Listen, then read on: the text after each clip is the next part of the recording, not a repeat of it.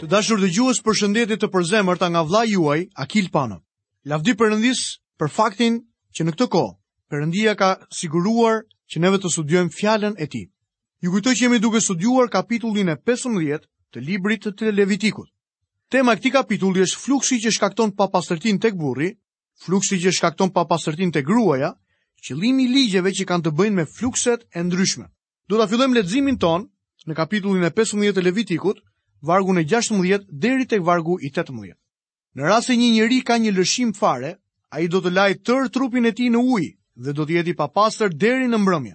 Çdo rrobë dhe çdo lëkurë mbi të cilat ka farë do të lahet me ujë dhe do të jetë e papastër deri në mbrëmje. Në rast se një burrë bie në shtrat me një grua dhe ka një lëshim fare, do të lahen që të dy me ujë dhe do të jenë të papastër deri në mbrëmje. Duket qartë se kjo i referohet sëmundjeve veneriane. Sot këto sëmundje janë si epidemi. Perëndia na ruan nga këto sëmundje sociale. Ai ishte i interesuar në lindjen e racës njerëzore. Perëndia ia dha këtë dhuratë njeriut për të mirën dhe frymëzimin e tij. Ja pse e ruan këtë sistem me shumë kujdes. Njeriu është gjithmonë në rrezikun e prishjes së vetvetes, në atë që konsiderohet si një nga eksperiencat më të mrekullueshme. Zoti ynë na mëson se dëshirat jo të shenjta dhe mendimet epshore duhet të shmangen sepse janë mëkate. Shikoni se çfarë tha Jezusi tek Mateu 5, vargjet 27 dhe 28. Ju keni dëgjuar se të lashtëve u qe thënë mos shkel kurorën, por unë po ju them se kushdo që shikon një grua për ta dëshiruar, e ka shkelur kurorën me të në zemrën e vet. Të shohim fluksin që shkakton papastërtinë te gruaja.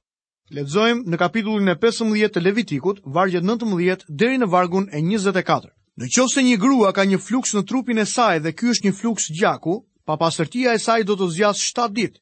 Kushdo që e prek atë do të jetë i papastër deri në mbrëmje. Çfarëdo gjëje mbi të cilën ajo shtrihet gjatë papastërtisë së saj, do të jetë e papastër. Çfarëdo gjë mbi të cilën ulet, do të jetë e papastër. Kushdo që prek shtratin e saj do të lajë rrobat e tij dhe do të lahet në ujë dhe do të jetë i papastër deri në mbrëmje. Kushdo që prek çfarëdo gjëje mbi të cilën ajo është ulur, do të lajë rrobat e tij dhe do të lahet në ujë, do të jetë i papastër deri në mbrëmje. Kur ajo është ulur mbi shtrat ose mbi çfarëdo gjëje tjetër, kur dikush e prek atë do të jetë i papastër deri në mbrëmje. Në rast se një burrë bie në shtrat me të, papastërtia e saj kalon mbi të dhe ai do të jetë i papastër për 7 ditë, dhe çdo shtrat mbi të cilin ai shtrihet do të jetë i papastër. Këto vargje duket qartë që i referohen papastërtisë së gruas gjatë periudhës së saj normale të menstruacioneve. Gjatë kësaj periudhe, ajo ishte e ndarë nga miku dhe i dashuri i saj.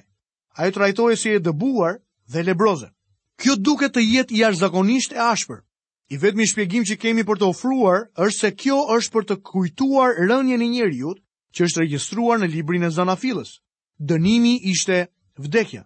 Njeriu kujtohet se pati një fillim të keq dhe nuk ka asgjë me të cilën të mburret. Njerëzit e mëkatshëm mund të prodhojnë vetëm mëkatet. Lexojmë më poshtë vargjet 25 deri në vargun e 29. Nëse një grua Ka një fluks gjaku prej disa ditësh jashtë kohës së papastërtisë së zakoneve, ose fluksi vazhdon tej kohës së duhur, ajo do të jetë e papastër për gjithë ditët e fluksit të papastër, ashtu siç është në ditët e papastërtisë së saj të zakoneve. Çdo shtrat mbi të cilën shtrihet gjatë ditëve të fluksit të saj, do të jetë për të si shtrati i zakoneve të saj, dhe çdo gjë mbi të cilën ajo ulet do të ketë po atë papastërti të zakoneve të saj. Kushdo që prek këto gjëra, do të jetë i papastër, do të lajë rrobat e tij dhe do të lahet në ujë, do të jetë i papastër deri në mbrëmje. Por pas pastrimit të saj nga fluksi do të numërojë 7 ditë dhe pastaj do të jetë e pastër. Ditën e 8 do të marrë dy turtuj ose dy pëllumba të rinj dhe do t'ia çojë priftit në hyrje të çadrës së mbledhjes.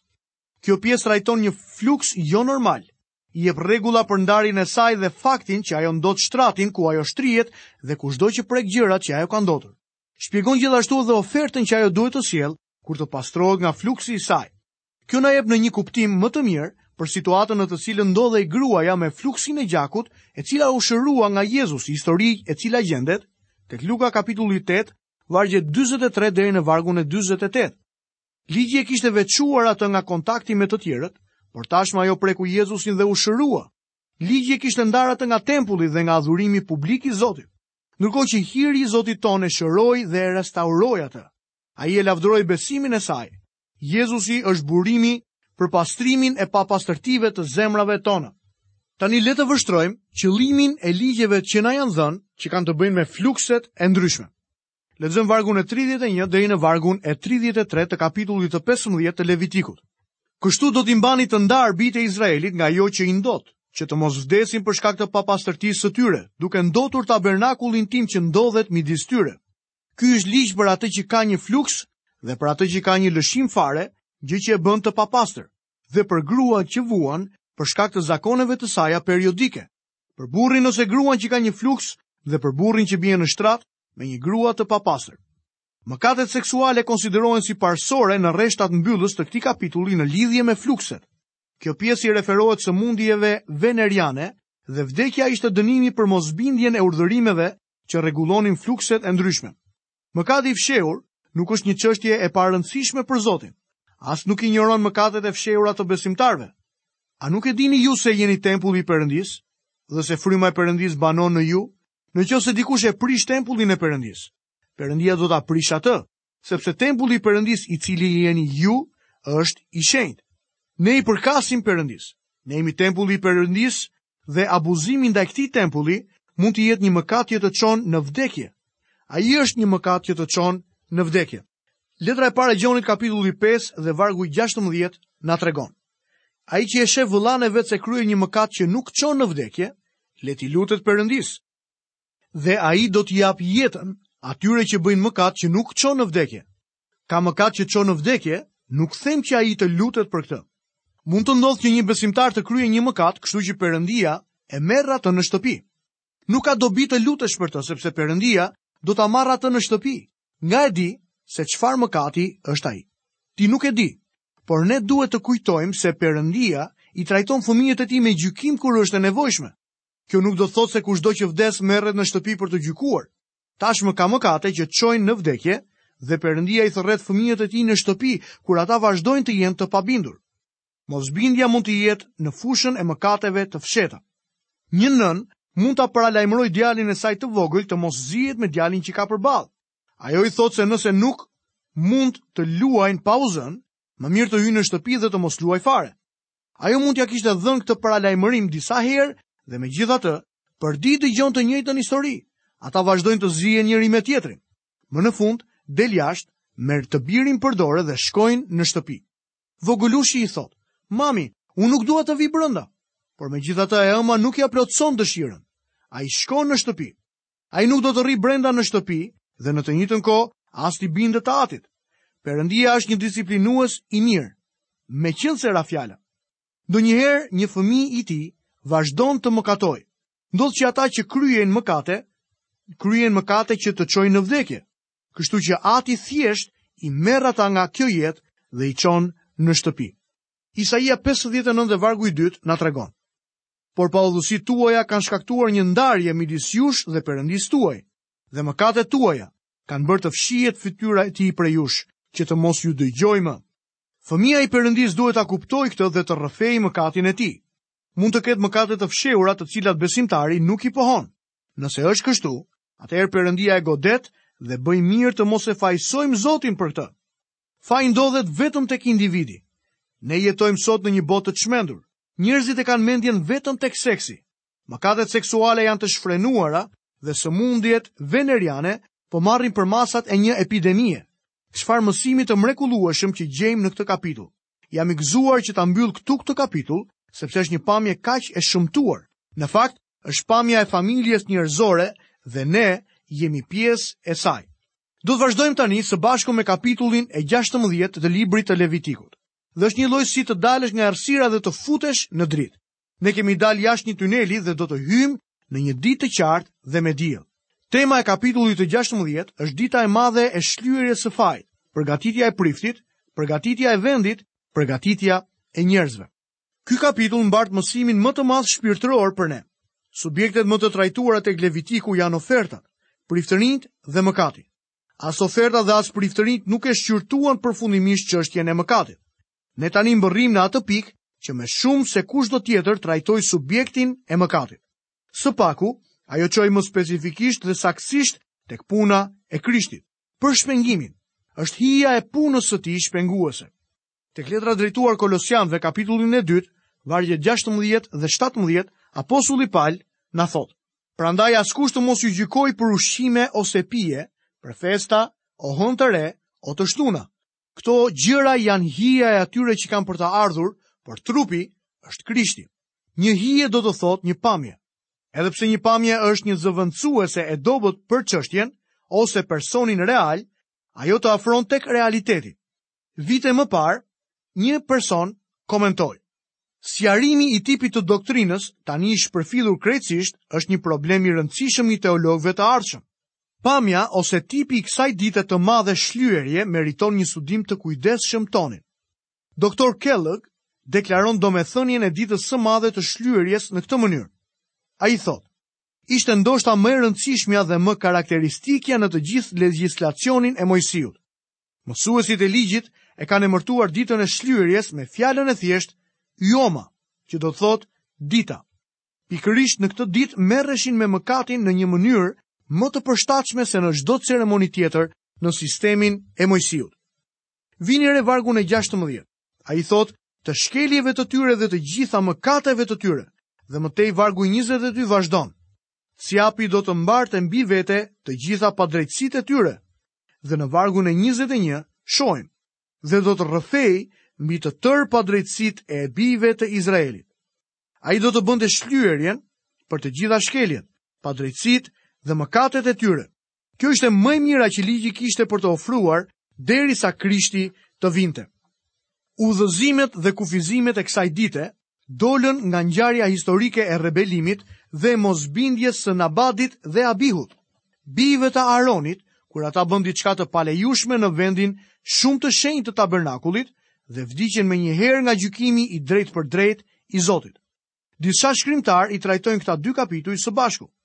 Dita e shlyerjeve ishte në ditën e 10 të muajit të 7. Këta numra janë domethënës në shumicën e shkrimit. Muaji i shtatë ishte muaji i sabatit dhe tregonte qetësim dhe pushim nga punët. Sigurisht që nuk është e gabuar që ky muaj ishte zgjedhur për të dërguar prehjen e shpengimit që është në Jezu Krishtin. Hebrenjtë 4:10 na thotë: Sepse kush ka hyrë në prehjen e tij, ka bërë pushim edhe ai nga veprat e veta, ashtu siç Perëndia nga të tijat. Dhjeta është një numër i spikatur në shkrime dhe duket të përçojë idenë e asaj që shpreh vullnetin e plotë dhe rrugën e Zotit. Ishin dhjetë urdhërimet. Perëndia mund të kishte dhënë edhe një tjetër, por ai nuk dha më. Perëndia kërkoi të dhjetën dhe mbetja e Izraelit konsiderohet si një e dhjeta. Dhjeta shpreh mendjen dhe qëllimet e Zotit. Dita e dhjetë shpreh të vërtetën që Krishti erdhi të bëjë vullnetin e Zotit. I pëlqeu Zotit ta rrihte dhe ta bënte të vuante atë. Ai erdhi në përmbushjen e kohës në orën e vajosur. Fjala shlyerje është fjala hebreje kaphar, që do të thotë të mbulosh diçka. Perëndia nuk i largoi tutje mëkatet në Testamentin e Vjetër. Ai mbuloi ato, derisa Krishti erdhi dhe i largoi krejtësisht. Ka një numër të madh shkrimesh që na e tregojnë këtë gjë. Veprat 17, vargu 30, na thotë. Perëndia pra duke kaluar përmbi kohërat e padijes, i urdhëron të gjithë njerëzit dhe kudo që të pendohen. Por janë shfajësuar falas me anë të hirit të tij, nëpërmjet shpengimit që është në Krishtin Jezus. Atë ka paracaktuar Perëndia për të bërë shlyerjen nëpërmjet besimit në gjakun e tij për të treguar kështu drejtësinë e tij për faljen e mëkateve që janë kryer më parë gjatë kohës së durimit të Perëndisë. Për këtë arsye, ai është ndërmjetësi i besëlidhjes së re që me anë të vdekjes që u bë për shpërblimin e shkeljeve që u kryen gjatë besëlidhjes së parë të thirrurit të marrin premtimin e trashëgimisë së amshuar. Në këtë mënyrë fryma e shenjtë donte të tregonte se udha e shenjtërores ende nuk ishte shfaqur, mbasi ende po qëndronte tabernakulli i parë, i cili është një shëmbëltyr për kohën e tanishme dhe donte të tregonte se dhuratat dhe flijimet që jepeshin nuk mund ta bënin të përsosur në ndërgjegje atë që e kryente shërbesën hyjnore, thotë shkruesi i Hebrenjve në kapitullin e 9, vargjet 8 dhe 9. Dita e shlyerjes na çon te Krishti dhe shpengimi i tij. Gjë që asnjë sakrificë, ceremoni ose urdhëresë në dhjatën e vjetër nuk e bëri dot. Kjo ditë zbulon Krishtin si kryepriftin tonë të lartë. duke shkuar për ne në vendin shumë të shenjtë. Le të shohim pregatitjen e priftit. Lexojmë kapitullin e 16 të Levitikut, vargun e parë dhe të dytë. Zoti i foli Mojsiut pas vdekjes së dy bijve të Aronit që vdiqën kur u paraqitën para Zotit me zjarr të ndaluar. Zoti i tha Mojsiut: "Foli Aronit vëllait tënd dhe thuaj të mos hyjë në çfarëdo kohë në shenjtërore, përtej perdes, përpara pajtuesit që ndodhet mbi arkë, që të mos vdesë, sepse unë do të shfaqem në renë mbi pajtuesin. Udhëzimet, urdhëresat dhe ritualet për ditën e madhe të shlyerjes u bënë thelbësore pas vdekjes së Nabatit dhe Abihut, që bënë diçka të palejueshme në vendin e shenjtë dhe vdiqën nga gjykimi i drejtpërdrejtë i Zotit. Dita e madhe e shlyerjes ofronte një shpjegim për vdekjen e papritur të këtyre dy burrave. Shenjtëria absolute e Perëndisë dhe mëkatshmëria e plotë e njeriut janë dhënë shumë qartë në këtë shërbim. Ka një çarje të madhe midis Perëndisë dhe njeriut, por nuk është e qëndrueshme. Dhe lavdi Perëndisë për këtë. Me ardhjen e Krishtit mbi të, është vendosur një urë. Sot Perëndia i ofron inkurajim njeriut për të ardhur tek ai. Por miku im, ti duhet të vish me anë të rrugës së Zotit, Kur vjen sipas rrugës së Zotit, vjen me guxim.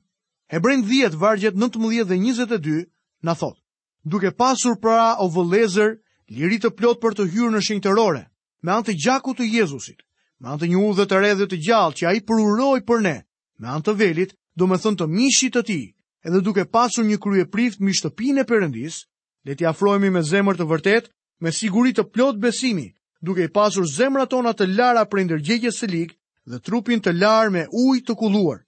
Efesianëve 2.18 na tregon, sepse përmes tij, që të dy kemi hyrje tek Ati nëpërmjet një fryme të vetme. Ftesa ka ardhur, kjo do të thotë që ne duhet të shkojmë sipas rrugës së Zotit. Nëse veprojmë kështu, atëherë mund të shkojmë tek ai me siguri të madhe, Mund të vini re se e gjitha kjo u bë për shkak se dy djemtë e Aronit ndërhyjnë në vendin shumë të shenjtë. Perëndia tha, Ti nuk mund të vish gjatë gjithë kohës në vendin tim. Për ne sot është ndryshe. Ne mund të shkojmë tek Zoti në çdo kohë, në çfarëdo vendi dhe të hyjmë në prezencën e Perëndisë. Kjo është siguruar për ne me anë të gjakut të Jezu Krishtit. Unë në fakt mendoj se për disa njerëz është e mëkatshme të luten. Një shërbëtor që e refuzon Krishtin, që i lutet publikisht Zotit, por nuk shkon tek Perëndia me anë të Jezu Krishtit, por ecën për tek Perëndia përmes një rruge që ai nuk e pranon. Kështu vepruan dhe Nabadi dhe Abihiu. Lexojmë vargjet 3 dhe 4. Aroni do të hyjë në shenjtërore në këtë mënyrë. Do të marrë një dem të vogël për flijimin për mëkatin dhe një dash për holokaustin. Do të veshë tunikën e shenjtë prej liri dhe do të mbajë mbi trupin e tij pantallonat prej liri. Do të ngjeshë brezin prej liri dhe do ta vërë mbi kokë çallmën prej liri. Këto janë veshjet e shenjta. Ai do t'i veshë pasi ta ketë larë trupin me ujë. Tipari i veçantë dhe domethënës i kësaj ishte se këtë ritual mund ta kryente vetëm kryeprifti. Ai nuk kishte ndihmësa. Vargu 17 na thotë, nuk do të ketë njeri derisa ai të ketë dalë dhe të ketë bërë shlyerjen në vendin e shenjtë. Kjo ishte e gjithë puna e tij, nga detyrat pastruese e deri tek ofertat e larta priftërore. Të gjithë priftërinjtë e tjerë largoheshin nga tabernakulli. Vetëm ai hynte sepse puna e shlyerjes i përkiste atij. Kjo është diçka shumë e rëndësishme, sepse ai mishëronte Krishtin. Krishti në kryq ishte i vetëm me mëkatet e botës. Psalmi 22 dhe vargu i parë na tregon. Perëndia im, Perëndia im, pse më ke braktisur? Pse më rri kaq larg dhe nuk vjen të më çlirosh duke dëgjuar fjalët e ofshamës time? Krishti kur u bë mëkat për ne, u braktis nga Perëndia dhe nga njerëzit. Megjithatë, ai dhe Ati ishin dakord për sa i përkiste planit të shpëtimit. Gjoni 16 dhe vargu i 32 na tregon, ja, po vjen ora, madje tashmë ka ardhur në të cilën ju do të shpërndaheni, secili për punë të vet, dhe do të më lini vetëm, por unë nuk jam vetëm, sepse Ati është me mua. Ky është një mister i madh. Apostulli Pal thotë që Perëndia ishte në Krishtin duke pajtuar botën me veten e tij. Kryeprifti duhet të linte mënjanë rrobat e tij të bukura dhe të lavdishme. Ai duhet të vishej me të njëjtën veshje si priftërinjtë e tjerë, lahej dhe vishte vetëm pëlhurën e lirit. Ai nuk duhej të ishte i stolisur, por të ishte i pastër. Ky është kumtimi i bukur i Krishtit, kryepriftit tonë.